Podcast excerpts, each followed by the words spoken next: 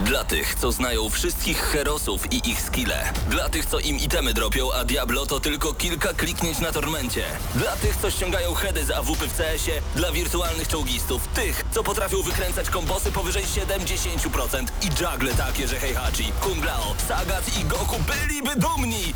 I dla tych, którzy nie mają pojęcia o czym mówię, ale lubią dobrą zabawę. Dla tych, co klikają i tych, co dzierżą pada, co na klawiaturach, joystickach i innych kontrolerach grają w gry wideo. Ta audycja jest dla Ciebie. Gramy na maksa w każdy wtorek o 21.00 tylko w Radiu Free.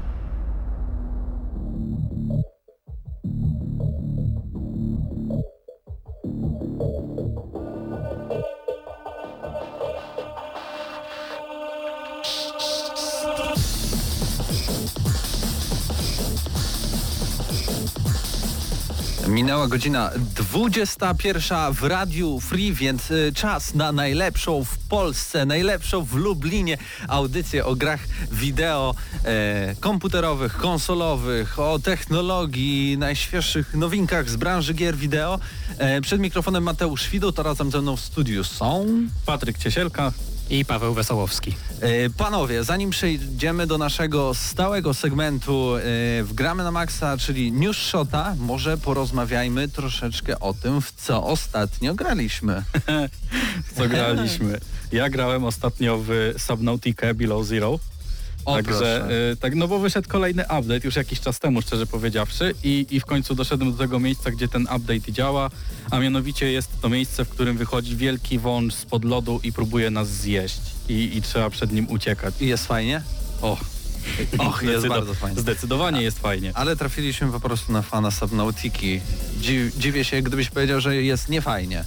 Znaczy, no tak, tak, to, to, to rzadko mi się zdarza, znaczy nie zdarza mi się po prostu, e, ale podoba mi się, co twórcy robią i jak bardzo rozbudowują tą grę i tam jest dużo jakichś takich miejsc, które na pewno będą wypełnione zawartością, bo już są jakieś wykopane doły i po prostu tam nic nie ma na razie, ale przestrzeń jest ogromna i oprócz tego, że mamy podwodny świat, to jeszcze tam na zewnątrz, na górze, tak jak mówiłem, jest ten robak z lodu i on tam skacze po tej mapie, pod nią gdzieś tam się wierci.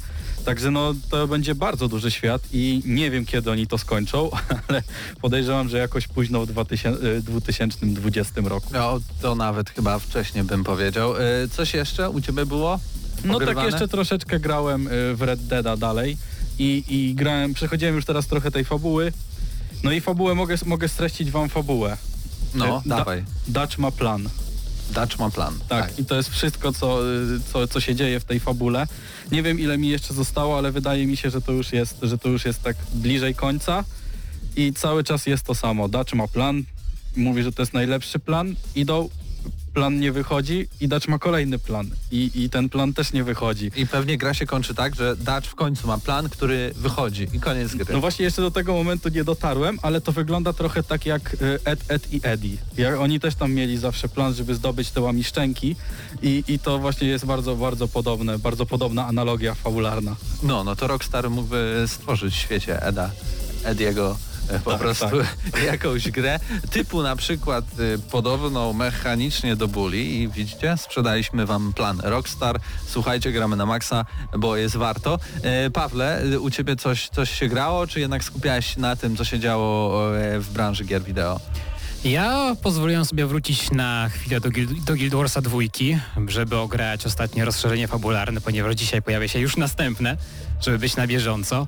I szczerze mówiąc, bardzo się pozytywnie zaskoczyłem, ponieważ e, nowa mapka, która ostatnio została wypuszczona, ma bardzo, bardzo dużo różnych atrakcyjnych wydarzeń i questów, takich jak nie wiem, wielki koncert, podczas którego musimy skakać, naprawiać głośniki, walczymy z ożywającą stalową konstrukcją sceniczną w kształcie smoka, co jest kompletnie szalone. Twórcy zrobili e, powiedzmy taki hmm, tor strzelniczy, to, to, to, jest parę różnych innych fajnych wydarzeń, wyścigów, które są taką po prostu bezpretensjonalną rozrywką, bez e, koniecznego grindowania dla, dla nagród, więc po prostu bawiłem się bardzo fajnie tak na luzie. No i też zawiązanie fabuły, kolejnej części fabularnej po zamknięciu ostatniego dodatku. Zaczęło się od, jak w dobrych horrorach, od trzęsienia ziemi, napięcie będzie rosnąć. A to dziwne, bo ja przeszedłem pierwszy Guild Wars i te wszystkie dodatki, później dwójkę też i zupełnie sobie nie wyobrażam, co się w tej grze stało, że nagle mamy dodatek, który daje nam scenę muzyczną w ogóle, jak to się stało, to jest gra fantasy, nie? Ale no to, to fajnie, fajnie rozwi- rozwijają to Gui- Guild Warsy. No, a w Jasne, ogóle te- Guild Wars Guild Warsy- skręcił mocno w stronę, no... Tak to uzasadniało twórcy, 250 lat rozwoju, zrobiło się trochę steampunkowo, no i niektóre społeczeństwa, jak na przykład popielców znanych z pierwszej części, którzy e, są taką bardzo steampunkową rasą się stali, wielkie mechaniczne czołgi i, i, tak, i tak dalej. No więc trochę, trochę, trochę dziwne, ale trochę fajne, bo urozmaica. A jak tam w ogóle się ta baza graczy trzyma? Bo ja już bardzo, bardzo dawno w to nie grałem. I jeszcze chyba skończyłem grać w to przed tym, jak przeszło na free to play, także to już trochę czasu. Jak tam w ogóle? Jeszcze są jacyś gracze? Jeszcze tam można znaleźć kogoś? Tak, trzyma się bardzo dobrze. Czy to nowa aktualizacja, czy, czy nowa aktualizacja, czy stara mapa, cały czas jest mnóstwo graczy. W PvP tak, w PvP tak samo, w trybie World vs. World, versus World też, więc mm, nie można narzekać na brak ludzi do grania. No tym bardziej, że to free to play, tak? No to No e, tak, teraz jak, tak. jak ktoś nie ma hajsu albo lubi po prostu gry MMO, szczególnie Guild Wars, bo to jest taki tytuł, który faktycznie dużo nadrabia, jeśli chodzi e, w porównaniu do innych tytułów, w tym, że tam jest dużo takich sensownych zadań, tak? Tutaj e, e, ta, ta historia w tym wszystkim, w każdym zadaniu pobocznym i głównym jest i to nie jest taki typowy grind, a faktycznie możesz skupić się na tym, żeby po prostu przejść fabułę, bo jest ciekawa i skończyć tę grę e, i, i powiedzieć bye bye, nie? I swego Ale jak czasu chcesz, to bardzo- możesz się dalej bawić. Tak, i swego czasu też bardzo ładnie wyglądała, jak, jak tylko wychodziła. Nie wiem jak to teraz, bo dawno nie No odpalałem. już mamy 2019 rok, No właśnie. No jasno, ona już się zestarzała troszeczkę, ale to, że ona nie jest taka stricte realistyczna, tylko taka bardziej ma taki bardzo artystowski sznyt. E, gdzieś się nie obejrzymy, to często widzimy, że możemy zobaczyć jakiś pejzaż. Widać, że wszystkie lokacje są konstruowane bardzo e, z takim pomyślunkiem, jak je estetycznie skonstruować, żeby ładnie wyglądały i żeby zapadały w pamięć. Chociaż wadą jest to, że tyle jest rzeczy do zrobienia, różnych zadań, eventów i tak dalej, że często po prostu się leci, żeby je zrobić i nie ma czasu, żeby się zatrzymać i je po prostu popodziwiać. No, ale to jest gra MMO, więc no niestety tak, tak jest. Albo idziesz i robisz, albo się, albo podziwasz tą całą rozgrywkę. Park E, rozrywki. nie- Niemniej jednak ja bym z chęcią kiedyś, kiedy będę w końcu miał czas, bym wrócił do tego Guild Wars 2. E, dobrze, e, zanim jednak e, przejdziemy do Newsshota, ostatnia rzecz. Pamiętajcie, możecie nas oglądać e, również na YouTubie youtube.com ukośnik GNM Crew albo wpiszcie po prostu gramy na maksa i tam też jesteśmy w formie wideo. Mamy dwie kamery, proszę bardzo. Bartek tutaj nam e, obsługuje to, to, to wszystko, pomachaj, o tutaj. E, I no, więc tam jest czat, możecie z nami porozmawiać. Chłopaki za szybą, Mateusz, Krzysiek i, i, i Paweł odpowiadają na wszelkie pytania, e, które, które możecie tam e, zadać. E, tak więc nie tylko radio, nie tylko aplikacja e, na telefonie, ale także i, i, nowoczesne jakby takie e, kanały dystrybucji, czyli również przez YouTube'a można nas oglądać i słuchać. A teraz zrobię taki cykmyk, tralala. Gramy na maksa. Jak zawsze mi to wychodzi trochę za głośno, ale dobra. E, I, i, i- Jim Kazama leci, tak więc e, czas na News Shot i kolejny tydzień, e, kolejny taki trochę amatorsko. Wiesz, możemy tu poimprowizować trochę w tym News Shocie, bo jest trochę amatorski. Sami wybraliśmy e, tym razem e, e, wszelkie wiadomości e, na ten segment i może zacznijmy od tego, że już niedługo E, bo 13 grudnia e, odbędzie się The Game Awards, czyli taka wielka gala, często porównywana do Oscarów growych, gdzie nie tylko jakby są konkretne kategorie i tam wygrywają tytuły, ludzie, czy też, e, nie wiem, jacyś aktorzy, ale także często są e, zapowiadane m, jakieś tytuły. E, W tym roku ma być zapowiedziane, ale tak naprawdę już wyciekło Half-Life e, Alex, ale o tym jeszcze za chwilę. Ale zanim przejdziemy właśnie do e, kategorii, to jak myślicie, jakie gry mogą się pojawić? Ja, jaką grę mo można zapowiedzieć na The Game Awards? Macie jakieś takie, takie marzenie, jakiś pomysł, jakieś E, jak- podejrzenia, ploteczki? Nie wiem, znaczy no, sam Control był bardzo dobry i bardzo chętnie zobaczyłbym jakąś drugą część, aczkolwiek z inną postacią. Z inną postacią, no bo tutaj mi się wydaje, że temat Bo jest... pijesz do tego, że 8 nominacji będzie kontrola. No tak, mniej więcej, mniej więcej... Yy, Bo ty patrzysz się, a nie mówisz w ogóle naszym tak, słuchaczom o co chodzi, tak. Control ma 8 nominacji, ale Death Stranding, gra Hideo Kojimy ma aż 10. Mm, No tak, aczkolwiek jeszcze nie grałem w tą grę Hideo Kojimy, także jeszcze nie, nie rozwoziłem paczek i nie zostawiałem awizo. E, aczkolwiek kontrola przeszedłem i bardzo mi się podobał pod względem mechanicznym i bardzo mi zaskoczył samą fabułą, która była świetnie skonstruowana, bo cały czas miała coś tam, jakiegoś asa w rękawie. Gdzieś tam coś odkrywaliśmy nowego, cały czas, w każdym momencie gry. Nie było tak, że było nazbierane tych tajemnic i one były rzucone tak pod koniec gry, jak miało to na przykład miejsce w Horizon. Yy, W Horizonie było tak, że dowiedzieliśmy się wszystkiego po prostu w jednym momencie i i już, no, już tak patrzyliśmy, nie, dobra, to już mi się dalej nie chce tego przechodzić. A tutaj rzeczywiście było to y, sporadycznie odsłaniana kolejna część tej historii, kolejna część i, zaczy, i zaczynałem coraz bardziej kojarzyć postaci. O, to ten miał związek z tym. A, i odkryli to, to teraz wiemy, że to było powiązane z tym. I tak co, co chwilę, co chwilę nie byliśmy przytłoczeni tymi informacjami, ale tak powoli, powoli, powoli trawiliśmy tą całą fabułę. To by w ogóle było bardzo epickie, jakby tak Control zgarnął trochę e, tych e, statuetek, a później powiedzieli, a Control 2 za dwa lata. Proszę bardzo. E, tak więc może e, ja wymienię e, teraz, jakie są nominacje. Można głosować na thegameawards.com.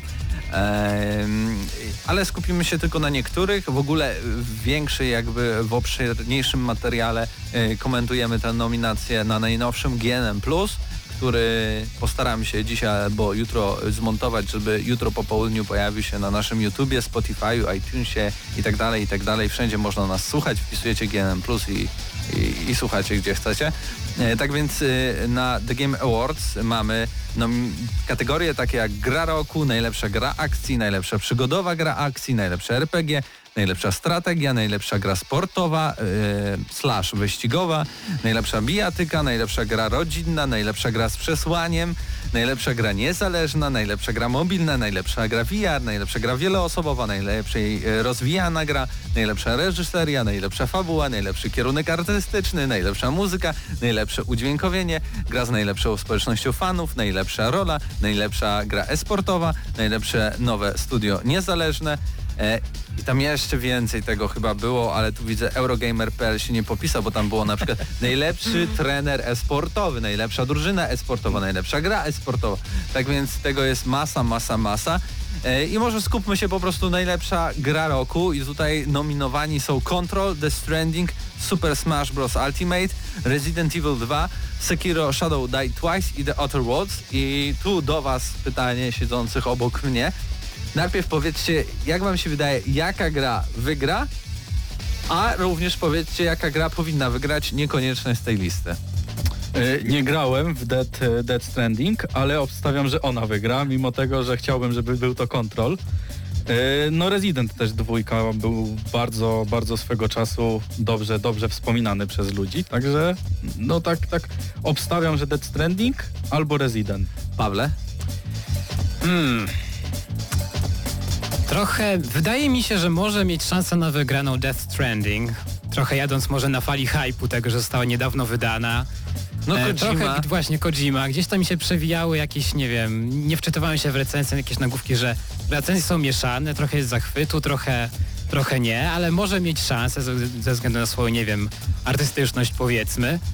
Co powinno wygrać? Szczerze mówiąc nie wiem, bo nie grałem w żaden z Ale z, może taki, tytułów. taki tytuł, który właśnie nie jest tutaj wymieniony, ale na przykład w tym roku bardzo ci się spodobał. Chyba, że takiego nie mam. Ja często tak mam, że w sumie jest dużo fajnych gier, ale że, żeby tak wybrać jedną, taką najlepszą, to Cóż, mnie czasem ciężko. W grę z tego roku grałem w Devil, Devil May Cry 5 bardzo mocno i chociażby podczas Golden Joystick, Joystick Awards zdobyła, zdobyła nagrodę za kierunek artystyczny. Trochę się dziwię dlaczego. bo owszem jest super ładna, ale, ale, ale szukałbym jednak w tej kategorii czegoś innego. Chociaż no bardzo mi się podoba, może by według mnie nie zasługuje na wygraną, ale gdyby chociaż była nominowana, to byłoby miło. No zdecydowanie, bo tutaj z chłopakami się zastanawialiśmy właśnie, gdzie jest Devil May Cry 5. To była bardzo duża premiera na początku 2019 roku. Ja też obstałem, że The Stranding, a to dlatego, że tutaj jest pewien nepotyzm, bo twórcą gali tych Oscarów growych e, The Game Awards jest Geoff Keighley, który znajduje się w grze Death Stranding i jest jedną z postaci, więc oni bardzo lubią się z Kojimą, więc To całkiem dobrze strzeliłem, mi się wydaje. więc może ten nepotyzm zadziała. Dobra, może jeszcze mamy e, czas na e, jakąś kategorię. E, Co, co, o czym byście chcieli powiedzieć? Najlepsza Najlepsza gra rodzinna? Najlepsza społeczność na Najlepsza- przykład. A je, gdzie, widziałeś Było coś gdzieś? takiego, to gdzieś E? niżej było jak czytałem. Gra społecznościowa. E, najlepsza społeczność w grach? Coś takiego. Udźwiękowienie. Najlepsza, z najlepszą społecznością fanów, tak się to nazywało. I mamy tu wymienione Apex, Apex Legends, Destiny 2, Final Fantasy 14, Fortnite i Rainbow e, Six Siege. I ja bym tutaj dodał jeszcze jedną grę, mianowicie e. Warframe'a. Warframe'a, Warframe'a. bo to, to ci ludzie są tak kochani w tym Warframe'ie, ta społeczność, tam wszyscy pomagają wszystkim na tym czacie, tam nie ma tak, że ktoś się kłóci w grze. Oczywiście zdarzają się takie osoby, no jak w każdej, jak w każdej grze, ale naprawdę z każdym się można dogadać. Jak pohandlujesz sobie z ludźmi na czacie, to dziękują ci, życzą ci miłego dnia i nieważne czy to są, y, czy to jest na czacie naszym, polskim, czy jakimś zagranicznym, zawsze jest tak samo, wszyscy są dla siebie mili, także ja bym tam ws- wstawił Warframe'a i to tak, i, i to z potencjalną y, ten, wygraną już. Ja z kolei oczywiście z zamiłowania do Guild Warsów wstawiłbym Guild Warsa dwójkę, bo społeczność też jest tam bardzo, bardzo przyjazna. Każdy sobie pomaga, zawsze można liczyć na drugiego gracza i cały czas i przez twórców i, i, i przez fanów jest utrzymywany ten pozytywny duch wzajemnego wsparcia. No, wydaje mi się, że e, tu jeszcze powinien, y, za, zabrakło Minecrafta. O, przecież w O, tym tak. roku w ogóle Minecraft się tak wybił społecznościowo i w ogóle tyle filmów na YouTube jest nagrywanych. Wszyscy grają w tego Minecrafta. Wkrótce Minecraft RTX, będzie jeszcze Minecraft Dungeons. W ogóle ta, ta społeczność Minecraftowa bardzo, bardzo rośnie w siłę. E, tak więc dużo gier potencjalnych, które mogło się pojawić, niestety nie została tutaj e, załączona. E, tak czy inaczej zapraszamy Eurogamer.pl, tam znajdziecie resztę e, tych kategorii i, i, i gier. E, Również i na nasz czat możecie tam sobie trochę e, porozmawiać o tym, co powinno być, czy dobrze, że jest i tak dalej, i tak dalej. A my teraz może przejdziemy do następnego tytułu, bo nie wiem, czy słyszeliście, ale e, w e, minionych kilku dniach pojawiło się Google Stadia w kilku krajach. I to miała być taka platforma do streamingu gier w- wideo e, od, od wielkiego e, brata Google'a i okazuje się, że ona niestety mm, okazała się wielkim falstartem. No to no jak zazwyczaj ma to miejsce z taką technologią. No niestety już było kilka takich prób i wszystkie jakieś ta, jakoś tak się kończyły. No nie wiem, ja to jestem na chwilę obecną sceptycznie nastawiony do tego i to bardzo. No y, jakby lag, czyli opóźnienie względem tego, co naciskamy, a co pojawia się na ekranie, to jest nawet 40-50 milisekund. Y, Większość y, z recenzentów z Digital Foundry, New York Times, US Gamer czy The Verge pisze, że praktycznie jest to niegrywalne i Google jeszcze do tego każe płacić nie dość, że za sprzęt, bo musisz kupić tego pada, a przynajmniej by wypadało, bo wtedy najlepiej to działa, za usługę, bo płacisz abonament Google Stadia, to także musisz po prostu kupić grę, więc y, płacisz trzy razy, żeby w końcu zagrać e, swój wymarzony tytuł, Który źle działa. który źle działa. No genialne, no po prostu to jest coś niesamowitego. Mogliby jeszcze tam, nie wiem, doliczyć za, tam, y, za godzinę gry, prawda, że, że grasz godzinę i potem musisz wrzucić, wrzucić kolejny pieniążek, Czy prawda. jakiś abonament, nie jak Tak, z Fallout tak. First, nie? Na tak przykład, 500 tak. złotych miesięcznie, tak No, dodatkowo po Tak, prostu, leciutko że jest właśnie. fajnie. Tak, żeby, żeby gracze się ucieszyli jeszcze bardziej. Ty Paweł, co o tym myślisz? Miałeś ochotę zagrać na Stadii? Nie, nie miałem, bo cóż, jestem zatwardziałym pecetowcem. Gdzieś tam mi mignął jakiś artykuł, coś, coś czytałem nawet, że Stadia wyszła bez wielu zapowiadanych wcześniej funkcjonalności i Google, Google się tłumaczyło, że skupia się na, ten, żeby dopracować ten kluczowy aspekt właśnie grania, streamowania gier, żeby to dopracować, jak słychać wyszło jak zwykle, czyli niekoniecznie, niekoniecznie e, jest to płynne i grywalne. A tak bardzo się e, zapierali, że to w ogóle taki lag będzie jeszcze mniejszy, jakbyśmy naprawdę na swoim komputerze grali, a tu niestety kto, kto, kto ma trochę pomyślunku, kto się domyśla jak działa w ogóle internet, przesył danych, odległości od serwerów i tak dalej, wie, że to nie da się tego uniknąć. Zawsze to będzie jakiś tam lag, ale oczywiście da się to, to zmniejszać, ale nigdy nie będzie tak idealnie, tak szybko, jak po prostu e, grając na konsoli stacjonarnie albo na swoim komputerze osobistym stacjonarnie.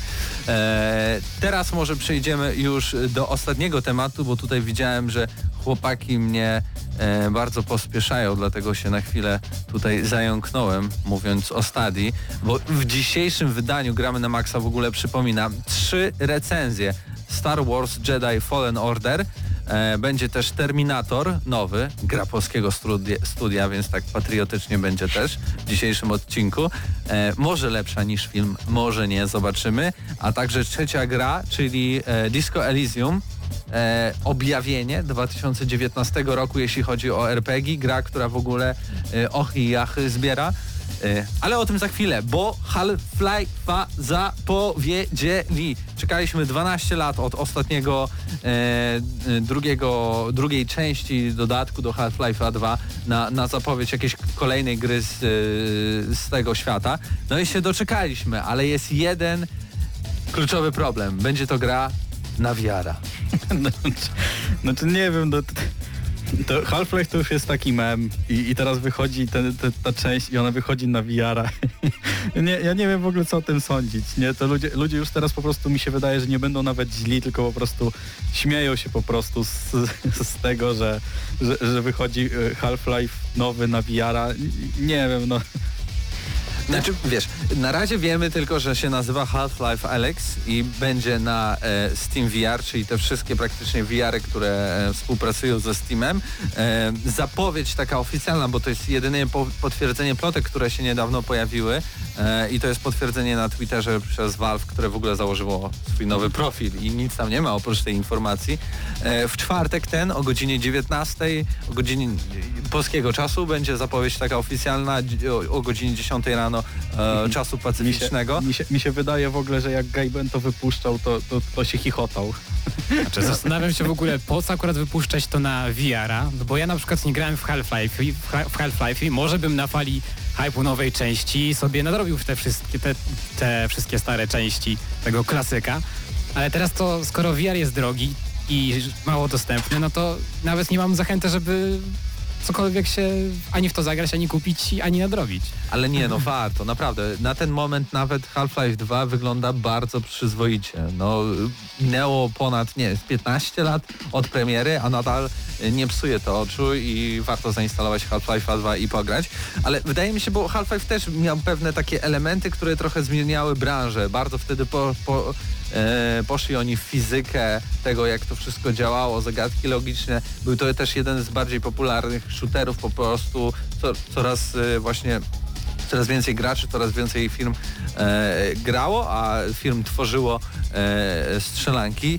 Tak więc myślę, że e, ten Half-Life to jest takie podejście do tego, żeby spopularyzować ten, e, ten VR, tym bardziej, że Steam niedługo właśnie wypuści swoją no, swojego VR-a, VR-a, który będzie kosztował notabene około 4000 zł, ale no wypuści i podejrzewam, że to jest też z myślą o tym e, e, po prostu e, planowane do e, wypuszczenia na, na Steam Znaczy, VR. VR, żeby po prostu, żeby się jakoś odbił, powinien mieć więcej tytułów, no bo nie masz prawie w ogóle tytułów, A Half-Life, taka duża marka. No, No to, ale to jest jeden, tak naprawdę no, dla jednego tytułu No ale to jest coś takiego, sobie. wiesz, jakby powiedzieli y, GTA 6 tylko na VR-a. No ludzie kupią, no bo to GTA, nie? Nieważne co to będzie. No, ja, ja się boję, że, zobaczymy, żeby przypadkiem na przykład nie okazało się, że Half-Life Alex to jest po prostu e, portal kolejny, w którym po prostu budzimy się jako Alex, która nie wiem, okazuje, No, że, tak, że bo- jest I musi Tak, bo były plany, żeby to wszystko połączyć, że to jest podobno jedno uniwersum. Nie no jest, No, jest no, jakoś, no. w jakiś, jakiś sposób. E, no dobra, trochę przedłużyliśmy, a jeszcze trzy recenzje przed nami, tak więc teraz zapraszamy na Star Warsy praktycznie premierowo, e, a przed nami jeszcze zanim, zanim e, koledzy zasiądą przed mikrofonami, to puszczę tutaj piękną muzykę e, z, z czego puści? Z Nier Automata.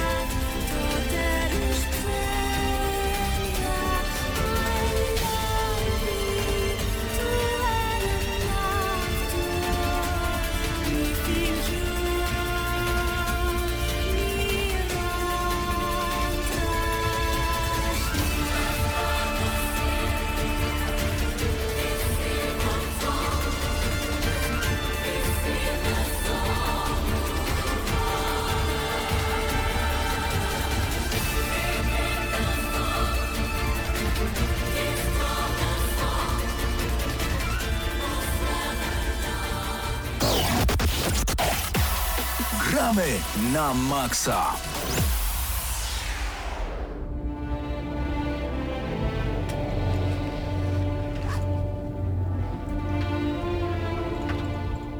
I po krótkiej przerwie, bo troszkę się śpieszymy, jakby nie było. Trzy recenzje to trochę rekord. Tak, to E, ten króciutki newsshot, który miał trwać 10 minut. Tak jest.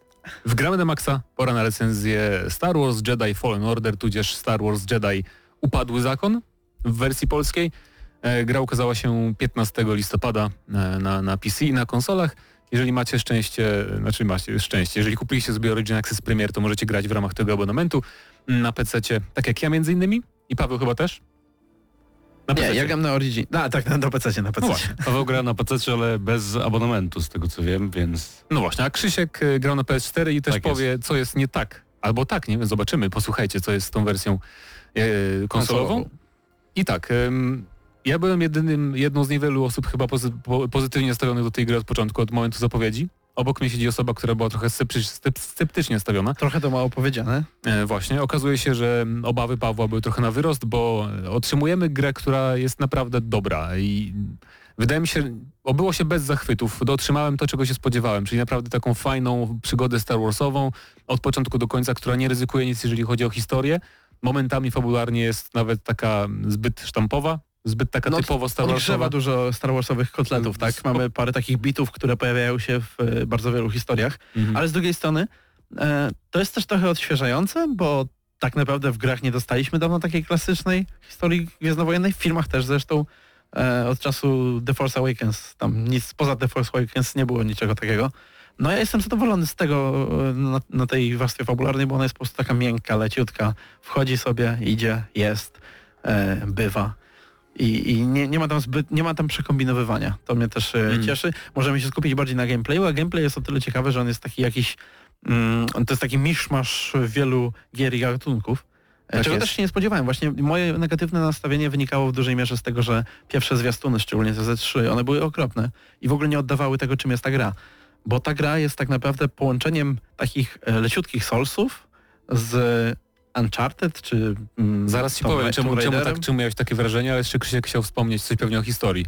Znaczy po prostu, po prostu y, jak Paweł zacznie monolog, to ciężko mu się wtrącić, ale za, skoro zaczęliśmy od podsumowania całej gry, to chciałem po prostu powiedzieć, że e, ja też byłem osobą, która była bardzo pozytywnie nastawiona do samej gry, natomiast po samym zagraniu troszeczkę jednak, może nie rozczarowałem się, bo to jest za bardzo negatywne słowo, natomiast e, pewien sposób negatywnie zaskoczyłem, natomiast y, co do samej gry, ona jest przede wszystkim bardzo bezpiecznym produktem, takim jak to Paweł powiedział, bardzo typowo Star Warsowym i też uderza w bardzo wiele nut, które doskonale znamy i lubimy. Tak samo y, nie tylko w fabule to robi, ale też właśnie w samej mechanice, gdzie e, no jako produkt stricte bezpieczny, e, o czym zresztą zaraz pewnie powiecie dokładnie, nie wprowadza w zasadzie nic nowego do gatunku gier komputerowych. No nie, ale tak samo, czy jakaś gra Star Wars sprowadzała coś nowego tak naprawdę do gatunku z, y, gier? Ona nie jest, nie powiedziałbym, że jest bezpieczna gameplayowo, y, bo jednak, bo ona się silnie inspiruje między innymi serią Dark Souls i ogólnie grami Soul, Souls-like'ami i Metroidvanią, czyli tym gatunkiem, który polega, główną cechą tego gatunku jest to, że wracamy do miejsc, które odwiedzaliśmy, bo odblokowaliśmy jakieś skille, które nam pozwalają dotrzeć do jakichś nowych miejsc, Więc to nie są mainstreamowe gatunki, nie powiedziałbym. Tak, dla osób, Więc- które nie są doświadczone w takie, w tego typu grach, to może być właśnie odrzucające, przede wszystkim szokujące. I dlaczego dlatego- w kółko jestem w tych samych e, lokacjach, dlaczego w kółko walczę z tymi samymi Nie, przeciwnikami. nie no, ale proszę was. Dlaczego nie mam wskaźnika na ekranie, gdzie mi pokazuje, który mam iść? Ale, Tak. ale proszę was, no przecież seria Batman Arkham osiągnęła ogromny sukces, a, a też y, w swoim jakby zamiarze była Pierwsza część. No Jednak. przede wszystkim, bo... Ale bo, to jest troszeczkę inny mówię. przykład, bo tutaj jednak tam masz e, też inne poruszanie się zupełnie, masz e, inny system walki. To, e, to też ma duży wpływ, bo tutaj ten system walki jest po, połączony z tą eksploracją e, tak nierozerwalnie, tak, bo jest on, jest on wymagający, w sensie musimy e, dobrze mm, wyliczać czas naszych uderzeń, musimy blokować, musimy grać inteligentnie, nie możemy e, rzucać się po prostu z mieczem na przeciwników i liczyć, czy coś z tego wyjdzie. E, ale jednocześnie e, nie jest chyba aż tak brutalnie jak w Soulsach. Na przykład No nie. e, ta gra ma coś takiego, że kiedy wróg wykona cios, który, którego nie możemy zablokować, to wróg powiedzmy świeci się bardzo wyraźnie na czerwono, tak? I, I dzięki temu wiemy, teraz musimy uskoczyć, teraz nie próbujemy blok parować. Mm, Czego na przykład w Soulsach tych starszych szczególnie nie było za bardzo. Tam się trzeba było nauczyć każdego jednego ciosu tak naprawdę. Dlatego- A tutaj raczej Dlatego ta gra mi się bardziej kojarzy z Sekiro.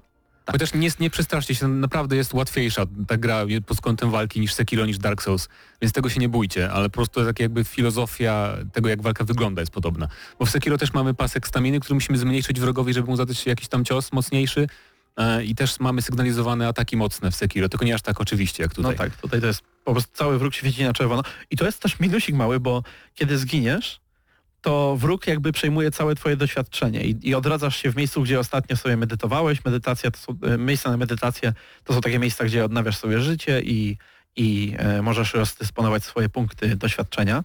Natomiast e, odradzasz się właśnie w takim miejscu i musisz wrócić tam, gdzie e, zginąłeś i uderzyć tego przeciwnika. Jeżeli go uderzysz, jeżeli zadasz mu cios, odzyskujesz wszystkie punkty e, doświadczenia, które straciłeś. I to jest problematyczne, bo on się wtedy świeci na, tak, na taki biały kolor Mhm. i, i nie widać, kiedy on robi czerwone ciosy. I jeżeli to jest jakiś bardzo trudny boss, to może być tak, że cię załatwi w dwóch, w dwóch pierwszych e, niemożliwych do zablokowania ciosach, jeżeli nie znasz jego e, Bywa. rutyny. Ale poza tym to są takie mniejsze rzeczy, natomiast e, no, ta, ta solsowość tam jest, przy czym ona jest taka delikatna, to jest taka e, solsowość do, do przetrawienia dla mainstreamowego odbiorcy. No to skoro pogadaliśmy o soulsowości, to pogadajmy o eksploracji w samej grze, czyli o unchartedowości, jeżeli Tak. możemy tak powiedzieć, bo Tu jest, jest Uncharted, jest te nowe Tomb Raidery są też, bo mamy Tak, to tak. takie charakterystyczne nawet wspinanie się jak w Uncharted właśnie. E, No i mamy też towarzysza w postaci droida, który jest bardzo sympatycznie wyglądającą postacią, która też, y, z którą też budujemy swojego rodzaju więź, jeżeli Tak. mogę tak powiedzieć, Mhm. jak, jak właśnie w grach od Naughty Dog. Więc to też ma takie, mm, nawet ten sposób y, eksploracji jest trochę taki nawiązujący do gier tego znanego studia, natomiast akurat eksploracja to jest dla mnie coś najprzyjemniejszego lub prawie najprzyjemniejszego, gdyby nie to, że podczas niej można natrafić na szereg problemów e, związanych z tą grą. Na przykład mm, gra się bardzo często lubi chrupnąć, gra bardzo często lubi chrupnąć, doczytać się w trakcie tej eksploracji Na PS4. na PS4, bo ja w taką wersję oczywiście grałem. Zdarzyło mi się nawet wlecieć pod mapę, co ostatnio, e, ostatnio uczyniłem w Wiedźminie 3, ja grałem, więc jakiś czas temu. Czyli Jedi Order jak Wiedźmin 3. Można tak 10 powiedzieć. na 10. Natomiast y, samej tej miotności eksploracji, poruszania się, te ruchy y, kal, kala są bardzo płynne.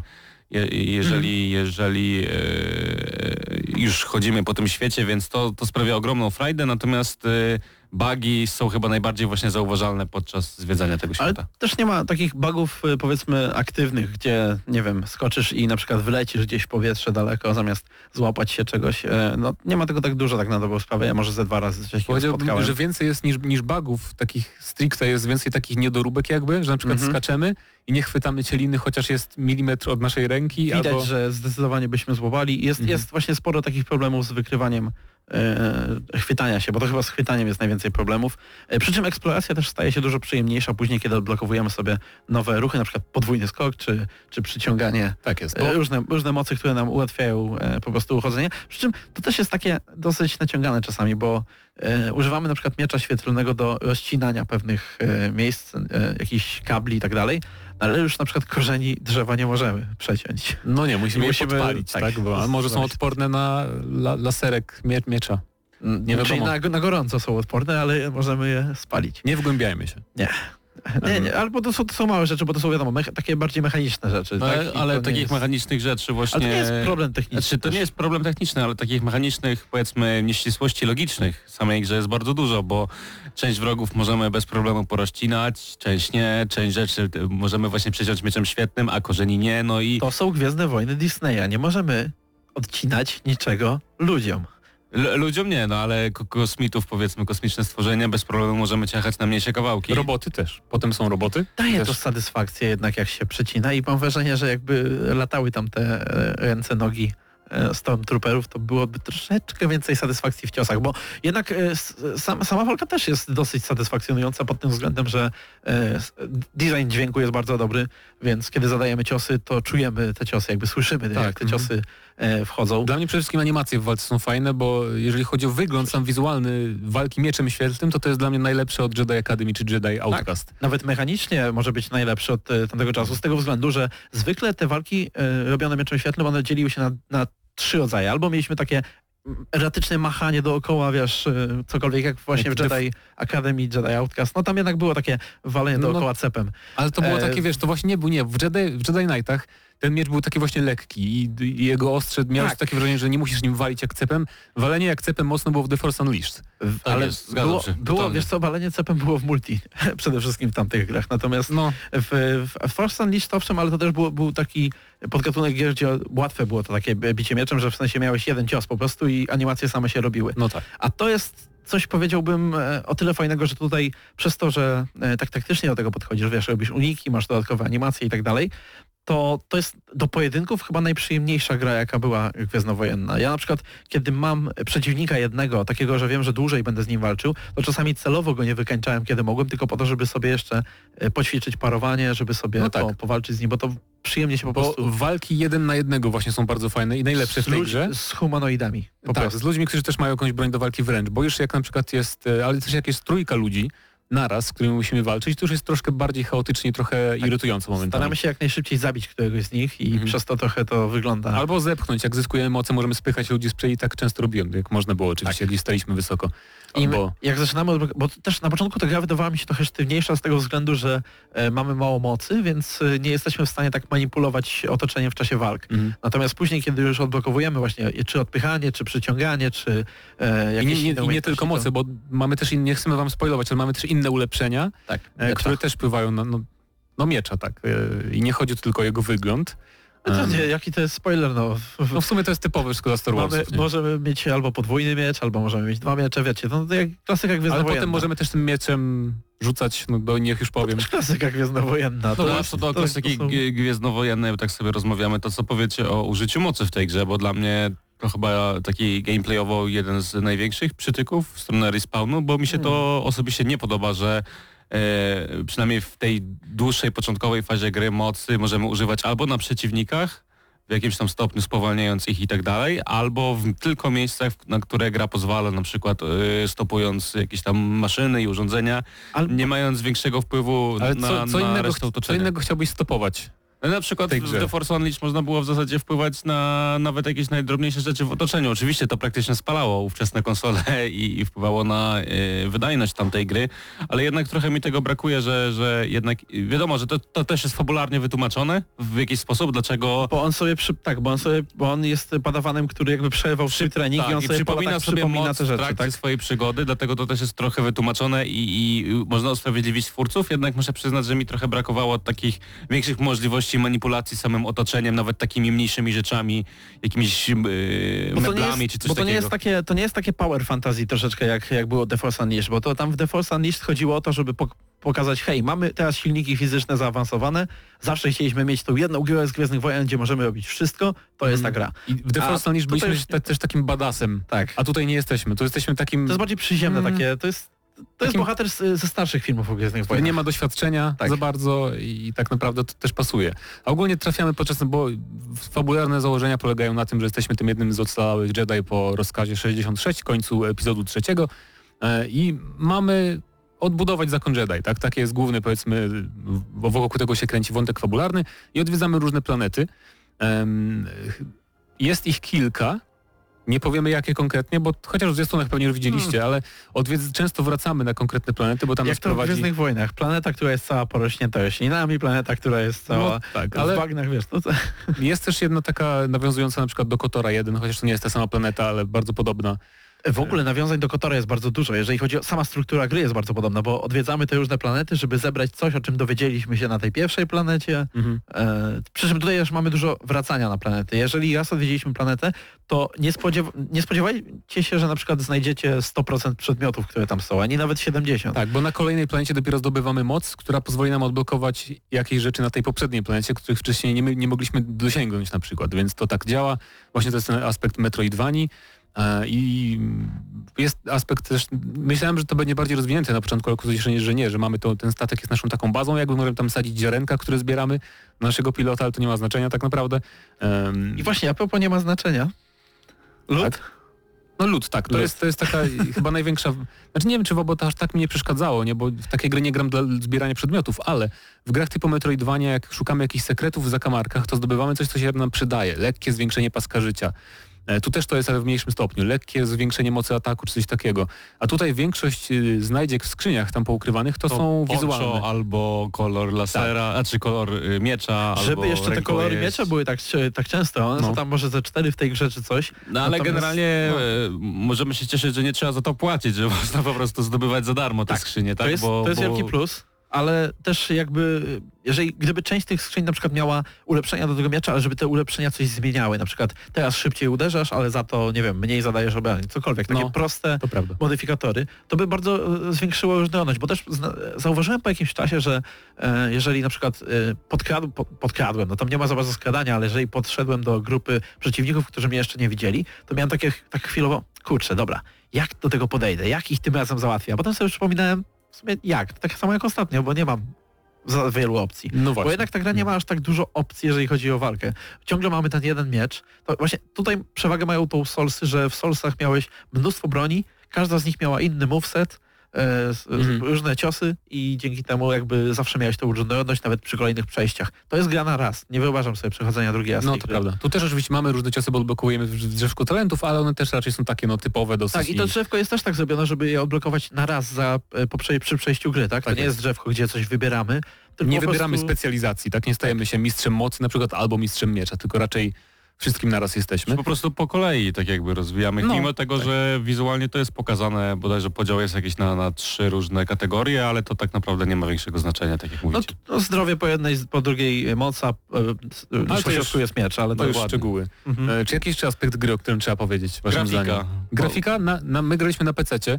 Gra wygląda naprawdę bardzo ładnie. Momentami widać trochę słabsze tekstury, jak się przyjrzy człowiek na przykład w tle. Tak, i tła, Ale- tła też e, bywają takie zbyt e, zasłonięte tą mgłą, tak? No, E, jak w jeżeli Silent Hillu, dystans, tak. No ale też to, co gdzieś rozmawialiśmy poza anteną, że niektóre modele postaci nie wyglądają za dobrze, mają wyłupiaste oczy albo tak. Ale nie, to jest jeden model postaci. Jeden. Tak, i to nie tak, że, i to nie tak, że model jest złej jakości, bo jakby jeżeli chodzi o modele postaci są rewelacyjne, szczególnie właśnie Kosmici główne postaci. wyglądają też, jeżeli Kosmici bardzo o tym dobrze mówimy. wyglądają, tak. E, główne postaci, nasz główny bohater, jego po prostu nasza, jakby, dobrze. nasza główna towarzyszka, Tak. jaką się źle zeskanowano, bo to jest aktorka, która pojawiała się w innych grach i tam nie wyglądała Modern tak, Warfare tak była, w Wolfenstein 2. Mhm. To jest aktorka, która pojawia się w grach od y, wielu lat, y, Debra Wilson. I ona wygląda normalnie, jak człowiek. I w grach, w których wyglądała, w, których była, Tak, też wyglądała jak człowiek. A w tej grze ma- wygląda jak człowiek, który był na Marsie w czasie e, tego filmu e, Pamięć Absolutna. I, i jej oczy tak wychodzą, że mnie aż fizycznie bolą oczy, kiedy patrzę na to. Tak, ale poza tym oprawa graficzna na PC stoi na naprawdę niezłym poziomie. Przede wszystkim animacje są świetne, ale na PS4 podobno jest troszkę Czy Gorzej. na konsoli to też wygląda nieźle powiedzmy, natomiast y, ustępstwa, jeżeli chodzi o wydajność są duże i naprawdę jeżeli chcemy się zachwycać tym światem, to trzeba wiele jej wybaczyć, jeżeli chodzi o wydajność, o chrupnięcia, o błędy. Bo ja widziałem, że tam są takie czasami problemy, że na przykład potrafi się gra zawiesić dosłownie na 10 sekund i ja nie mówię o takiej jakimś chrupaniu, tam niskich klatkach i tak dalej, tylko takie prawdziwe zawieszenie się, że no, postać wisi w powietrzu. Free, frizuje się po prostu momentami gra, ale też właśnie y, jest te, y, takich niedoróbek technicznych jest naprawdę mnóstwo i też y, Wydaje mi się, że po prostu jest to kwestia wydajności sprzętu, bo mówicie, że na PC nie było tego a, aż tak dużo, ale na przykład bardzo często mam, mamy takie sekwencje, że y, jest taka lina, po której nasz droid nas ściągnie i zjeżdżamy po niej w dół. I wtedy świat bardzo często lubi się doczytywać w tym konkretnym momencie. No i to jest taki moment, że y, no, widzimy tą płynną animację, a w tle widzimy doczytujący się świat i właśnie wtedy potrafi nam gra sfrizować na, nie wiem, 2-3 sekundy. No i wtedy mamy taki lekki dysonans poznawczy. No ale poza tym... Ale to na y, PC też jest. W sensie na PC nie widać doczytywania się, bo jakby widzisz już y, doczytany level, ale rzeczywiście te chrupnięcia się pojawiają czasami przy przechodzeniu przez lokacje i to zauważyłem, że to się dzieje ludziom jak testowali na przykład na jakichś tam tytanach podwójnych 70. No, ale nie jest to nic strasznego, nie jest No to nie nic, co... co... Można to wybaczyć, natomiast y, jeżeli chodzi o same wizualia, wydaje mi się, że i tak gra wygląda bardzo dobrze i widać, że to jest już schyłek po prostu generacji konsol. Brzmi dobrze, Dla też mnie to jest... Brzmi dobrze, też tak muzyka oczywiście bardzo fajnie Star Warsowa i wszystkie głosy są w angielskiej wersji przynajmniej Ale naprawdę sam dobre. design też jest niesamowity w tej grze. Broń, to- nawet, nawet ciekawostka, zależnie od koloru mieczu mamy inny dźwięk tego miecza świetlnego, więc to jest, Uhu. tak jest, Demoriną. I po ja już zacznę, zacznę podsumowanie, bo musimy Mhm. kończyć, bo nie zdążymy z Disco Elysium i Terminatorem.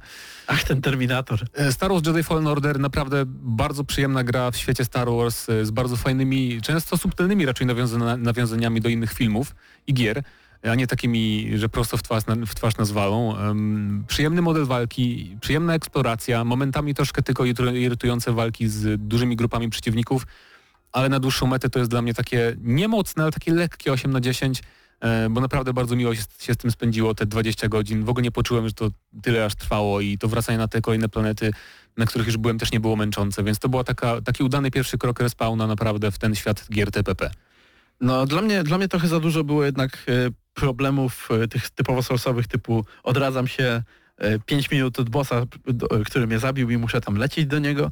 Jednak tutaj brakowało mi trochę przy tym designie jakby, gdzie są e, punkty do sejwowania e, pomy- pomyślunku. Ale poza tym to bardzo przyjemne, bardzo przyjemna e, gra Star Warsowa, tak naprawdę chyba najlepsza od no, No, od lat. Też nie było ich aż tyle, nie? no właśnie, no, nawet jak były, to tak różnie było, nie? To, wszyscy no na pewno to jest niebo, a ziemia, jeżeli szło. chodzi o kampanię z Battlefronta 2 na przykład. nie? Dla ludzi, którzy czekali na dobrą grę akcji w świecie Gwiezdnych Wojen, to którzy czekali od czasu e, tak na dobrą sprawę... E, The Force Unleashed.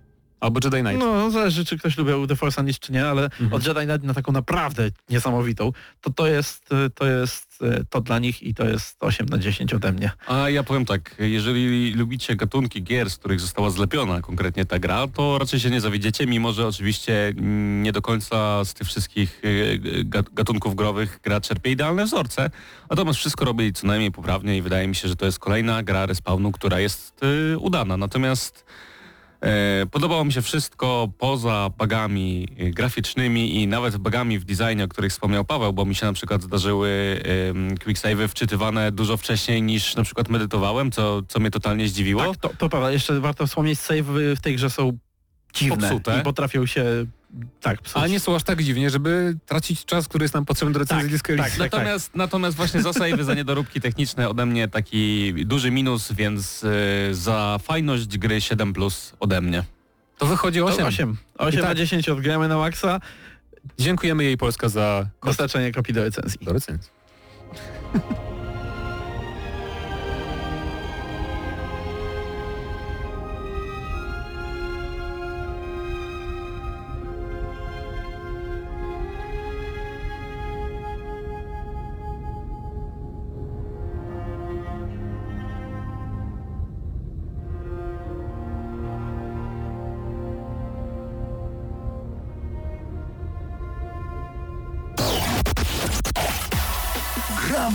Na maksa.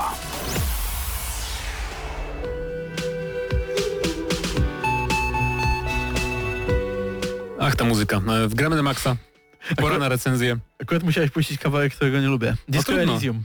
Disco Elysium, tak jest. E, To nie będzie długa recenzja. Raz, że nie mamy czasu, ale to nie tylko o to chodzi. To jest gra, o której bardzo trudno mówić bez spoilerów, raz, a dwa, że tam jest mało... Systemów. Tak. Więc nie musimy... To nie, jest, to nie jest coś jak recenzja, która była przed chwilą, że musimy składać na części pierwsze jakieś systemy walki i tak dalej. Tutaj mamy RPG, w którym nie ma nawet systemu walki. Dokładnie. E, to jest RPG, w którym tylko i wyłącznie rozmawiamy lub robimy, prowadzimy śledztwo w takim stylu point and clickowym troszeczkę. E, To jest tak naprawdę point and click z elementami RPG, Tak. albo hybryda bardziej, bo tutaj to jest, to jest taki pełnokrwisty RPG. Powiedziałbym, że to mi trochę przypomina, gdyby w Planescape Torment nie było walki, gdzie też była bardzo mało istotna, to, to trochę mi to przypominało. I to jest dużo lepszy spadkobierca e, Planescape Torment niż e, ta gra, która używała tego słowa Torment w W tytule. każdym razie, w Disco Elysium wcielamy się w detektywa, który na początku gry nie, nie wie, że jest detektywem, ponieważ tak się ostro napił, wpadł tak, w tak zwany bender, że budzi się w motelu, nie wie gdzie jest, nie wie kim jest i dopiero ludzie po stronie muszą mu tłumaczyć, że jest policjantem i przyjechał na miejsce, żeby rozwikłać zagadkę e, morderstwa, bo obok motelu, w którym śpimy jest e, powieś, powieszone, wiszące już od dwóch tygodni chyba jakoś tak, czy od iluś tam dni e, ciało jakiegoś mężczyzny. Od kilku dni, tak, nie, nie dwóch tygodni, No, no, ale jeżeli chcecie mieć pełną imersję, to polecam e, pierwszy raz odpalić tę grę, kiedy naprawdę macie kaca. To jest przeżycie. Tak, po, pole, polec, polecamy. Do, Okej, polecamy. Em, I właśnie tak się roz- rozpoczyna przygoda, żeby to wszystko trochę gładziej, bardziej gładko nam poszło. To też na początku gry wita nas em, policjant z innego jakby posterunku w tym świecie, w tym mieście, tym państwie tak naprawdę. To też jest inna kwestia, cała geografia tego świata. E, I on się nazywa Kim Kitsuragi i jest bardzo przyjemnym towarzyszem, który towarzyszy nam aż do końca, jest, jest naszym kompanem, chociaż może zginąć, a może nie, nie będziemy wam aż tak mówić. E, I on właśnie jest takim jakby mm, osadza nas w tej rzeczywistości, żebyśmy za bardzo nie odjechali. Tak, bo nasza postać jest e, tak e, poryta jakby e, swoim umysłem. Ten, ten umysł jest tak rozbity, że potrzebujemy tej kotwicy obok nas. Tak? I, dla nas ten Kim jest jednak taką, takim Uziemieniem. zwiercia- tak, uziemieniem, Mhm. żebyśmy mogli jakby kon kontaktować się z tym światem, e, w którym e, przebywamy. A ten nasz podzielony umysł jest o tyle ciekawy, że e, jakby to właśnie on jest symbolizowany przez nasze statystyki, bo wybieramy sobie cztery takie podstawowe statystyki. Ale wiesz co, mniejsze o te podstawowe, to jest, bo to jest, no, no wiem, wiem, ale to, no to cztery takie, one są proste z nazwy, coś w stylu właśnie Intelekt, siła, siła, intelekt i tak, tak tak. dalej. Ale one nie znaczą tego, co, co myślicie, bo, bo ważne każda są z nich ma, cechy. tak, każda z nich ma przypisane sześć, właściwie to takie fragmenty tej, No, dla uproszczenia powiedzmy, że cechy, no. Tylko dobra, to nie są dobra. normalne cechy, bo na przykład mamy cechę, która się nazywa Inland Empire w oryginale i to jest cecha, która odpowiada za nie wiem jak to powiedzieć nawet, widzisz, to, Ach, za, to jest takie y, przeczucie? za takie dramatyczne y, tworzenie narracji fantastycznej i przeczucie związane z różnymi wydarzeniami. No właśnie, ale Jest to, cecha- to troszeczkę wchodzi jakby na, na teren też na przykład dramy, która y, po, pozwala ci odtwarzać właśnie Drama, drama jest bardziej związana z, z wyczuwaniem postaci, ich emocji Kłamstwa, chyba, tak. kłamstw też. E, Jest cecha wizualizacji, która pozwala nam sobie bardziej Wyobrazić wyobrazić co się stało, tak, Tak. na przykład. Jest cecha, która się nazywa encyklopedia, która nam zabiera czas, bo na przykład odzywa nam się w głowie, bo w ogóle wszystkie cechy w tej grze są jakby głosami w naszej głowie. Tak, I i, w przykład- czasie dialogów pojawiają się od nich e, informacje, mamy e, różne e, czeki, czyli musimy tam odpowiednią mieć ilość punktów w danej umiejętności, żeby czegoś się dowiedzieć i wtedy na przykład możemy użyć jakiejś opcji dodatkowej. I co ciekawe, bo to jest chyba warto powiedzieć, jakby podstawową mechanicznie częścią tej gry jest to, że tylko w czasie dialogów mija czas. Jakby nasze śledztwo prowadzone jest w czasie rzeczywistym, tam wewnątrz gry, gry przynajmniej. I czas w ogóle nie leci, kiedy sobie chodzimy, eksplorujemy i tak dalej, tylko kiedy rozmawiamy. Dlatego e, czasami na przykład, e, kiedy encyklopedia podpowie nam jakąś ciekawostkę, która normalnie byłaby super, bo dowiadujemy się więcej o świecie i tak dalej, może być tak, że po prostu jesteśmy zbyt e, encyklopedyczni i, i, i e, za dużo ciekawostek głupich znamy, które odwracają naszą uwagę, przez to tracimy czas. Tak, a tutaj czas nie jest aż tak ważny, jak myślałem po ukończeniu tej gry, ale są takie momenty, że na przykład jakaś postać jest w mieszkaniu tylko o godzinie 21 jednego dnia. Jeżeli nam przegapimy ten moment, to nie porozmawiamy z ważną postacią i to może wpłynąć na rozwój śledztwa. Więc e, tak to wygląda. I te cechy jakby pomagają nam, ale też mogą przeszkadzać, tak? Bo na przykład jeżeli rozmawiamy sobie ze świadkiem i cecha logiki podpowie nam, że słuchaj, może spróbuj wybrać tę opcję dialogową, którą tu masz w pierwszej kolejności i Bo wtedy się logikę okazuje, to tak pasuje. i wtedy się okazuje, że gdybyśmy wybrali tę opcję w innej kolejności, to by już nam nie pomogło tak bardzo rozgryźć tego świadka, jak, jak nam pomaga, jak nam podpowie ta cecha. Ale na przykład jest też ce- cecha, która nazywa się electrochemistry i ona jest związana z nałogami. I ona na przykład podpowiada, że fajnie byłoby się znowu napić albo wziąć ten narkotyk, bo może ci w czymś pomóc. Więc to jest bardzo tak, albo na takie... rzucić jakąś seksistowską uwagę zamiast e, przesłuchać e, kobietę, którą akurat przesłuchujemy. Tak, Więc tu możemy być... em, ni- Nigdy, nigdy nie możemy być w tej grze normalnym człowiekiem, bo, Bo nie jesteśmy, tak, bo nie jesteśmy, on nie jest, jest. bardzo popsuta psychicznie, ale możemy być w miarę takim zachowawczym i miłym, ale możemy być też totalnym bucem, który no, wdaje się w godzinne dosłownie rozmowy na temat komunizmu, yy, w ogóle jakiegoś duchowego życia i to jest strasznie pojechana gra, jeżeli chodzi o fabułę i tak dalej i te I- wszystkie wątki. Jeżeli chodzi o te umiejętności, to jeszcze warto wspomnieć, że jakby naturalnie rozwijając jest, jesteśmy w nich coraz lepsi, ale e, ta gra ma coś takiego, że e, jakby od połowy, odkąd władujemy jakby już połowę możliwych punktów, to zaczynają się też negatywne cechy pojawiać, mianowicie im bardziej jesteśmy w jakiejś, e, im bardziej jakąś cechę sobie rozwiniemy, tym bardziej ona staje się dominująca, bo to są właśnie fragmenty naszego umysłu, czy na, naszego ciała w ogóle, tak? E, także jeżeli e, jesteśmy super logiczni, to zaczynamy być takim dosłownie robotem, tak? Aż jeżeli, jesteśmy, Mhm. jeżeli mamy tą encyklopedię bardzo pod, podwiniętą, to non stop sobie przypominamy ciekawostki, które w ogóle są nieważne. Jeżeli sobie bardzo Jeżeli- rozwiniesz, rozwiniesz retorykę, to ona strasznie często ci się potem wtrąca do... Tak. Odporność, odporność na ból, która też jest jakby cechą półumysłową, pół, bo to nawet fizyczne takie typowo cechy. W innych grach to byłoby punkty życia tylko, a tutaj Mhm. punkty życia, ale też twoja odporność na różne rzeczy. E, możesz się stać masochistą i to takim dosłownie, że czasami nie masz wyboru, bo to bywa tak, że opcja dialogowa jest za ciebie tak naprawdę wybierana, albo blokowane są niektóre opcje dialogowe. E, także e, no, to- trzeba ostrożnie. Tak, i z tym, i z tym związane właśnie z tymi cechami jest związana mechanika i z rozmowami tekstu. Te rozmowy są naprawdę, y, to jest najlepsza część tej gry oczywiście, bo ona jest fenomenalnie napisana. To jest najbardziej, pod względem writingu i scenariusza to jest jeden z najlepszych RPGów od lat, jak dla mnie. I te rozmowy cię naprawdę potrafią ciągnąć, ciągnąć długo i są takie naturalne dzięki temu, bo naprawdę w prawdziwym życiu moglibyśmy się w takie rozmowy przedługie strasznie wdać. I potrafią być tak zabawne. To, Tak. Ta gra potrafi być momentami tak zabawna, że się po prostu śmiejecie do ekranu, bo to Ja jest... dawno tak nie miałem, że się faktycznie uśmie uśmiechałem. Ja się nie śmieję za dużo głośno, ale że uśmiechałem się do ekranu, do, do, do, do tekstu, tak, do tekstu, bo tu dubbing jest, ale jest tylko tam w najważniejszych momentach i nie jest zawsze zbyt dobry. Kim Kitsuragi brzmi moim zdaniem bardzo dobrze. To są, bo to są, to ge- generalnie jest ekipa jakiegoś podcastu amatorska, która Tak. znała twórców. Twórcy generalnie to jest ich pierwsza, pierwsza gra, Zaum się nazywają. I, i, I no, powiem Ci szczerze, że po tym, co grałem teraz, to ja nie mogę się po prostu doczekać. Nie To, jest, to jest, ta gra jest w pewnym sposób, w pewien sposób ewolucyjna. W sensie e, tak rozmawialiśmy o tym, że właśnie Outer Worlds nam się na przykład podobało, ale nie wprowadza tak naprawdę żadnych niesamowitych nowości. Y, E, Disco, Order Disco. Elysium popsuło dla mnie inne RPG teraz, bo inne RPG są tradycyjne, a to jest coś po prostu fenomenalnie wyjątkowego i wyróżniającego się. I ta fabuła się rozkręca, ja też chcę powiedzieć, że mm, jakby tyle fajnych, nieoczekiwanych zwrotów akcji, które naprawdę sprawiły, że chwytałem się za głowę, dawno nie miałem w żadnej grze i to wszystko ma sens.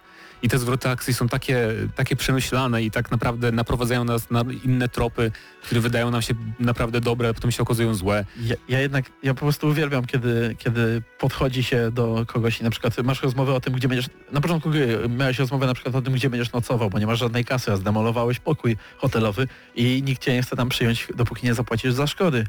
I wtedy w moim umyśle, w sensie mojej postaci zaczęła się wymiana zdań i w końcu wtrącił się jeden z aspektów mojej osobowości, krzyknął, jak się okazało, że będę spał prawdopodobnie na dworze, na śmietniku, Hobocop!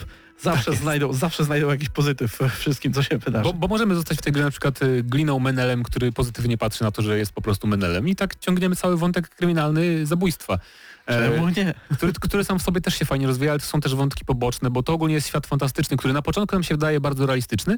Ja myślałem, że to jest takie normalne lata tam 60. czy coś. Tak, one są się tak okazuje- przes- przesunie... Najpierw się szczajemy, że one są przesunięte delikatnie, że to niby są lata 50., ale wyglądają jak nasze 80. Ale chodzi mi o to, że potem się okazuje, że to jest A zupełnie potem, fikcyjny tak. świat, który jest z czasem coraz bardziej fikcyjny i tak odjechany w kosmos, że naprawdę tak jak nasz bohater, mm, aż, aż się łapiemy za głowę, jakie tam wątki są wymyślone, ale też są bardzo fajne wątki poboczne, jak na przykład możemy pomóc grupie jakichś tam technodzieciaków założyć klub techno w kościele byłym i możemy to zrobić i potem z nimi tańczyć. I Możemy próbować e, e, zainstalować komunizm, Możemy. albo agresywny kapitalizm, albo Możemy. każdą inną ideologię, którą sobie wymyślicie, bo na każdą z nich jest jakaś e, cecha i tak dalej.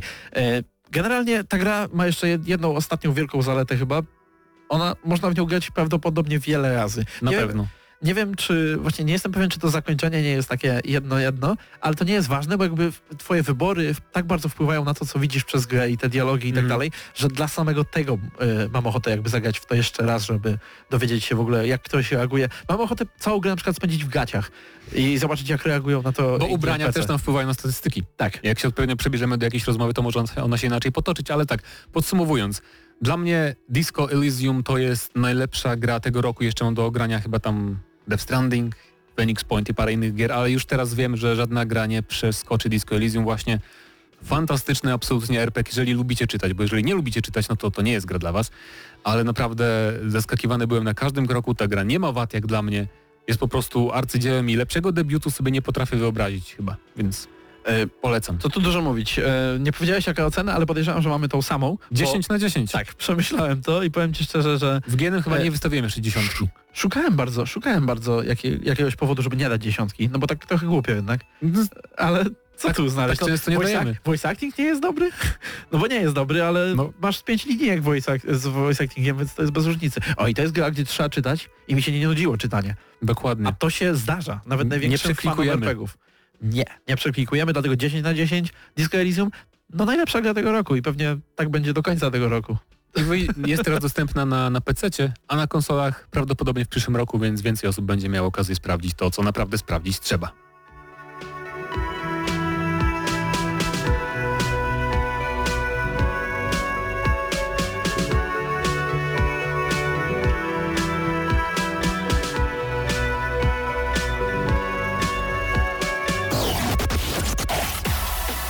Gramy na maksa.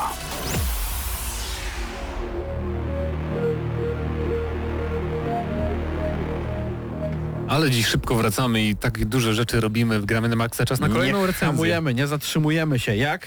Terminator. Maszyna. Jak Terminator, bo w, w Gramy na Maxa pora na recenzję Terminator Resistance, gry, która jest e, strasznie nijaka. Świetnie. Już koniec? To jest strzelanka e, niezwiązana, jest- nie bójcie się, nie jest związana z tym okropnym filmem, który teraz jest w kinach, em, ale jest osadzona w uniwersum Terminatora oczywiście. Jeżeli chcecie wiedzieć, dlaczego jest okropny, polecamy recenzje kinowe też na YouTubie, tak. E, e, Jesteśmy członkiem ruchu oporu, akcja ogólnie rozgrywa się w tej e, przyszłości, gdzie walczymy faktycznie z, z, z, ma, z maszynami, gdzie ludzko, ludzkość jest tam zdziesiątkowana i nasze zadania po prostu prowadzą nas ten już post, przez ten postapokaliptyczny świat. I to Rozgrywka. jest strzelanka, tak? To jest głównie FPS, gdzie zajmujemy się strzelaniem do robotów. Historia ogólnie rozgrywa się tuż przed wydarzeniami z e, filmów, kiedy są wysyłani e, ludzie i roboty w przeszłość, e, więc to jest ten moment, kiedy, e, kiedy ruch oporu dopiero orientuje się, że istnieje coś takiego jak terminatorzy pokryci mięsem. Generalnie, generalnie jakby punkt zaczepny fabularny był, mógłby być bardzo ciekawy, gdyby ta gra była dobrze napisana. Szczególnie, że tam jeszcze dostaliśmy razem z kodem na grę kod do komiksu dodatkowego. Mm. Nie przeczytałem wszystkich trzech, tam zdaje się, że trzy były, ale, ale, ale przejrzałem troszeczkę i powiem Ci, że jakby punkt tego wyjścia jest o tyle ciekawy, że to jakby takie rozwijanie, wiesz, lore dookoła, Znaczy, ja ci e, powiem, jakichś jeżeli... obozów, jeżeli chodzi o, o, o Terminatorów, jak, jak, jak ludzie nie byli tam od razu zabijani, tylko na przykład używano ich jako e, siły roboczej, wiesz, No. to, to jest, to jest, to mogłoby być I ciekawe. właśnie, bo ja ci powiem, o ile mi się podobał ten wątek z tym Terminatorem właśnie, że ni- niby człowiek, o kto to jest, y, to, to było całkiem spoko, ale brakowało mi lore i historii w tej grze takiego do poszukania. Może raz na jakieś na dwie godziny znalazłem jakiś notat, notat, notesik z, wiesz, z, z, no- z fragmentem lore do, na temat tego świata, tego mi brakowało. I te notatki, one brzmią troszeczkę jak taki kiepski żart z notatek w innych grach. W sensie, jak masz taką grę, powiedzmy, jakiegoś, nie wiem, Fallouta, Control. podnosisz Control, Fallouta, e, Outer Worlds, podnosisz e, jakąś karteczkę, zaglądasz do jakiegoś terminalu i czytasz sobie i masz jakiś tam dłuższy tekstik, który pasuje do lore, który pasuje do świata, to może być jakaś notatka służbowa, cokolwiek, a to, to jest jedna z tych gier, gdzie na kartce ktoś napisał na przykład o nie, zaatakowali mnie, muszę już iść, Tak, tak. a i nawet a jest zapisane. Znajdujemy bardziej takie właśnie historie ludzi na, na tych zapiskach, dokumentach, a brakuje mi naprawdę fajnie rozszerzonego takiego historii te, tego, tego świata, który jest teraz, tu i teraz. No dobra, ale historia nie jest tutaj mięsem, bo mięsem jest gameplay. Tak. Nie, w ogóle cała ta gra jakby e, jest tutaj mięskiem jakby poza, poza tą historią, czyli gameplay, e, No i strzelanie jest najważniejsze w tej tak grze. dalej. No Nie, nie wiem nawet, bo niektórzy mówią, że to jest, że to ma być skradanka, tak jak powinna być gra o Terminatorze. E, Strzelanie jest nie. najważniejsze w tej grze. W, prak- w praktyce jest najważniejsze strzelanie, bo ta gra nawet na trudnym poziomie jest łatwa dosyć. E, Szczególnie, że AI jest... E, chciałbym powiedzieć, że jest e, głupie jak... E, nie wiem, jak co, jak jest zombie? Jak o Terminatorzy? zombie? Bo taka jest, no, jak Terminatorzy w filmach nowych, bo ta gra troszeczkę wygląda tak, jakby twórcy chcieli zrobić grę o zombie i w ostatniej chwili podmienili tak, e, to znaczy na... na przykład możemy się z robotem e, bawić w kotka i mieszkę dookoła samochodu, kiedy my cały czas strzelamy do tego robota, a on do nas nie jest z jakiegoś powodu i tak eliminujemy sobie trudnego Bo przeciwnika. tutaj, nie? żeby przeciwnik was zobaczył, on musi się na was spojrzeć i musi mu się naładować pasek. Wiecie, jak w Skyrimie albo w Falloutach jest e, coś takiego, że masz pasek wykrycia. Nawet jak idzie się do przo- od przodu Tak. do tego przeciwnika. Tak, on musi i staniesz przed nim, on naładuje sobie ten pasek, zobaczycie i zacznie strzelać po jakiejś sekundzie, więc ogólnie 3 sekundy od momentu, kiedy stanąłeś przed nim, mijają zanim zacznie do ciebie strzelać, wtedy ty biegniesz za jego plecy. Mi się zdarzyło przy tych takich ciężkich, co chodzą na czterech nogach, nie? Mhm. Wbiegłem za plecy i już nie wiedział, gdzie jestem. To jest w ogóle, to, No jest, to jest żart po prostu. Terminatorzy są trochę bardziej inteligentni, E, To ale- głównie dlatego, że są smuklejsi i mogą się po prostu obracać to zwyczajnie. prawda. Ale też e, mnie to bawi, że można zabijać nożem w ogóle Terminatorów. E, tak, e, właśnie bo ta gra bardzo was straszy. Ona dużo mówi, to nie, nie próbujcie nawet, wasza broń się do niczego nie nada. Tymczasem macie jakiś tam kolcik najmniejszy, 9 mm, bam, bam, bam, bam, bam, parę strzałów w świecący się punkt i każdy, każdy przeciwnik leży. Bo to, to jest kwestia niezbalansowania e, chyba rozwoju umiejętności, bo jak sobie rozwiniemy broń palną na maksa, to naprawdę nawet właśnie ze zwykłego pistoletu możemy sporo zrobić. I bez, e, I bez rozwijania tak naprawdę pistoletem wszystko przed Terminatorami takimi klasycznymi rozwalimy spokojnie. E, no, No tak, i, ale właśnie strzelanie jest takie, ja powiedziałbym, papierowe. Nie, nie czułem w ogóle Żadnego mocy odrzutu. żadnej broni, nie, nie czułem, że trafiam tych wrogów, chociaż to akurat ma sens, bo Terminator nie powinien za bardzo się tam rzucać, jak zostaje No trafiany, ale nie czułem ja odrzutu, nie, wizualnie ani audio, nie brzmią też te bronie dobrze, więc to jednak w strzelance jest dla mnie zawsze problem. E, I przeszkadzała mi też, że tak przejdę na chwilę, struktura świata, bo trafiamy do takich wielkich lokacji i po prostu masz tutaj jedną ikonkę misji, tam masz drugą ikonkę misji i kręć się między nimi. to właśnie struktura misji przy okazji można tutaj połączyć. Ja Bo wolałbym, każda misja była- polega na tym, żebyś przeszedł przez całą lokację i no wrócił. właśnie, ja wolałbym, że to była gra liniowa. Może mi się bardziej spodobała wtedy, bo tak naprawdę czuję się, że się kręcę po prostu po dużej mapie, a tu jest coś do zrobienia i tam jest coś do zrobienia i tak naprawdę nie ma żadnego... Bo to de facto No jest liniowa gra, która jest ukryta tylko pod takim płaszczykiem, że to są niby półotwarte lokacje, ale I to de jest facto bez to, skill, sensu. to na przykład jest, że korytarz się rozdziela na dwie części i to tyle na przykład tej półotwartości.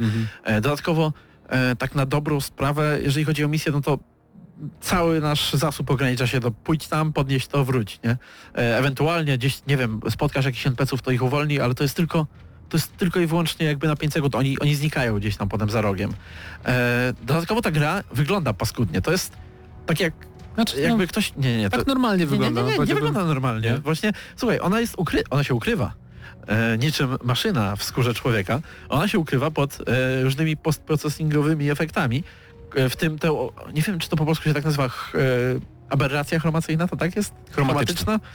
E, to jest obrzydliwy efekt, którego nienawidzę w grach, kiedy macie krawędzie, e, powiedzmy jakichś przedmiotów i tak dalej i one rozdzielają się kolorystycznie na, na czerwony i zielony, tak e, bardzo wyraźnie, tak? I to jest obrzydliwy efekt, który ukrywa często właśnie brzydkie krawędzie i dlatego go wszyscy stosują. Natomiast modele postaci super brzydkie. E, wszystkie e, modele jakichś, nie wiem, e, gruzów, samochodów, to wszystko wygląda jak z gry z 2009 roku, I to jest też problem. aktualnego. To jest też problem, że cały czas jest takie samo otoczenie. Mimo, że te lokacje się trochę zmieniają, to cały czas jest po prostu rozwalone miasto Szarobura, nie? A czasami są kopiowane lokacje, w sensie jest, y, masz, przechodzisz przez lokację, która wygląda w dany sposób, a potem masz następną misję i znowu przechodzisz przez tą samą lokację, tylko na przykład w nocy. I nie, nie, gra myśli, że nie zauważyłeś, ale zauważyłeś. No właśnie. I, i to, to, jest, to jest problem. Dodatkowo jakby tu, tutaj są jakieś takie podstawowe systemy, nie wiem, craftingu, otwierania zamków, tych spraw, ale to wszystko jest tak zerżnięte pięknie z, z, z gier Bethesdy. E, Otwieranie zamków to jest dosłownie to samo. To jest jeden do jednego przeniesione, tak. Nawet, nawet jest y, otwieranie siłą, jak się chce i ileś tam procent na to jest szansy. Crafting jest bardzo prosty, wszędzie leżą tony zasobów do craftingu, więc zawsze mamy amu- amunicję, niczego nam nie brakuje, nie wiem po co ten crafting w ogóle jest, skoro tyle mamy tych zasobów zawsze i tak. Niby amunicję, żeby sobie znaleźć, ale równie dobrze mogłaby amunicja no leżeć, właśnie, bo to jest takie przedłużanie troszeczkę. nie za bardzo mi się chciało nawet cokolwiek innego Więc kraftować. nie wiem, czy jeszcze coś będziesz chciał powiedzieć, ja już podsumuję i tobie oddam głos, e, żeby, żeby szybciej zakończyć. Dla mnie to jest, bo momentami, jak miałem takie, takie chwile, że dobra, no wiem, że tu nie ma wyzwania żadnego, po prostu polecę sobie z karabinem na te zastępy robotów i ich trochę powystrzelam, to nawet momentami było takie, nawet fajnie się poczułem, ale to nie było nic więcej niż 5 na 10, bo to jest taka gra na 5 na 10 dla mnie, e, w której, o której już zapomniałem, o której jakby nic, niczym mnie nie zaskoczyła, niczym mnie nie zachwyciła, nawet mi się nic nie spod- nie spodobało w niej za bardzo, którą można zagrać, jeżeli jesteście wielkimi fanami Terminatora Uniwersum naprawdę. No właśnie z, tą, z, z tym byciem fanem, to właśnie to jest o tyle ciekawe, że ta gra ignoruje też wszystkie filmy po dwójce i, to, i naprawdę jest sporo To jest dla ludzi, plus. którzy... Tak, jest sporo Większy. smaczków dla ludzi, którzy na pewno lubią te filmy. E, ma nawet John Connor, wygląda jak John Connor z e, tych starych filmów, e, z twarzy i tak dalej. Więc e, dla ludzi, którzy są fanami, to to będzie gratka, tak czy inaczej. No, gratka, nie, gratka to nie będzie, bo to oznaczałoby, że będzie jakaś przyjemność przy tym, ale to jest Znaczy, coś, co można przeżyć Przyjemność, przyjemność może być, jak już się pogodzimy z tym, że walka nie jest trudna, że jest y, nijaki model strzelania, tam jak rozwalamy te zastępy robotów potem na przykład bronią laserową taką fajną, to już jest takie nie, nawet... ona nie jest fajna. Broń plazmowa. I e, ona wygląda jak broń normalna, tylko jakby ktoś dodał trzy rurki No dookoła dobrze, i ale ja powiedziałem, że momentami jednak to strzelanie było w miarę takie no nie najgorsze, Mhm. więc 5 na 10, a ty ile dasz? No ja, ja to tak, przede wszystkim e, nie uważam, że, że ta gra powinna wyjść w tym roku. I, I za zniszczenie muzyki, bo słyszycie w tle teraz y, wątek jeden muzyczny, ale ta gra tak paskudnie... przekombinowany, nie? Taki, Tak, oni, moment, oni wzięli parę sampli z, z, z filmów, zapętlili je i tam to jest jeszcze znośne, a w innych przypadkach próbują robić własną, własne wariacje na ten temat i Mhm. to brzmi okropnie, nie da się Więc. tego słuchać. I dla mnie to będzie trzy albo cztery, albo cztery, cztery, no dobra, cztery, cztery, bo polskie studio i polska gra Ale żeby nie było, żeby nie było, No. to jest naprawdę o 10 razy lepsza gra niż Rambo, które y, studio y, zrobiło wcześniej. Tak, Tajan. e, i to jest 10 razy lepsza gra niż ten film, który aktualnie leci w Tak, kinach. więc czekamy na kolejną grę czym- krakowskiego studia, bo może będzie już taka... Może, może niech dalej zrobią Terminatora, tylko proszę, zrób, zrób ktoś wreszcie grę, ktokolwiek, kto mnie słucha teraz, zrób ktoś grę, gdzie Terminator jest przejażający. James Cameron cię usłyszał, na pewno kogoś zatrudni. 4,5 na 10 dla Terminator Resistance. Odgramy na maksa i dziękujemy firmie Koch Media za dostarczenie, za, za dostarczenie kopii do recenzji.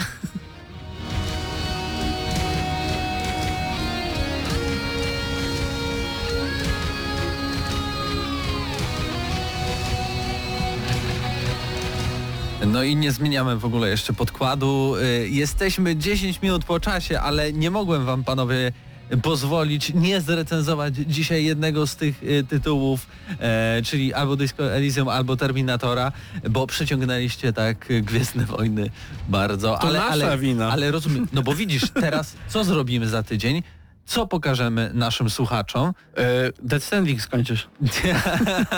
e, żarty, żarty, żarciki po 22. Nie, Need for Speeda zrecenzujemy, Hit? mam nadzieję. No, a czemu nie?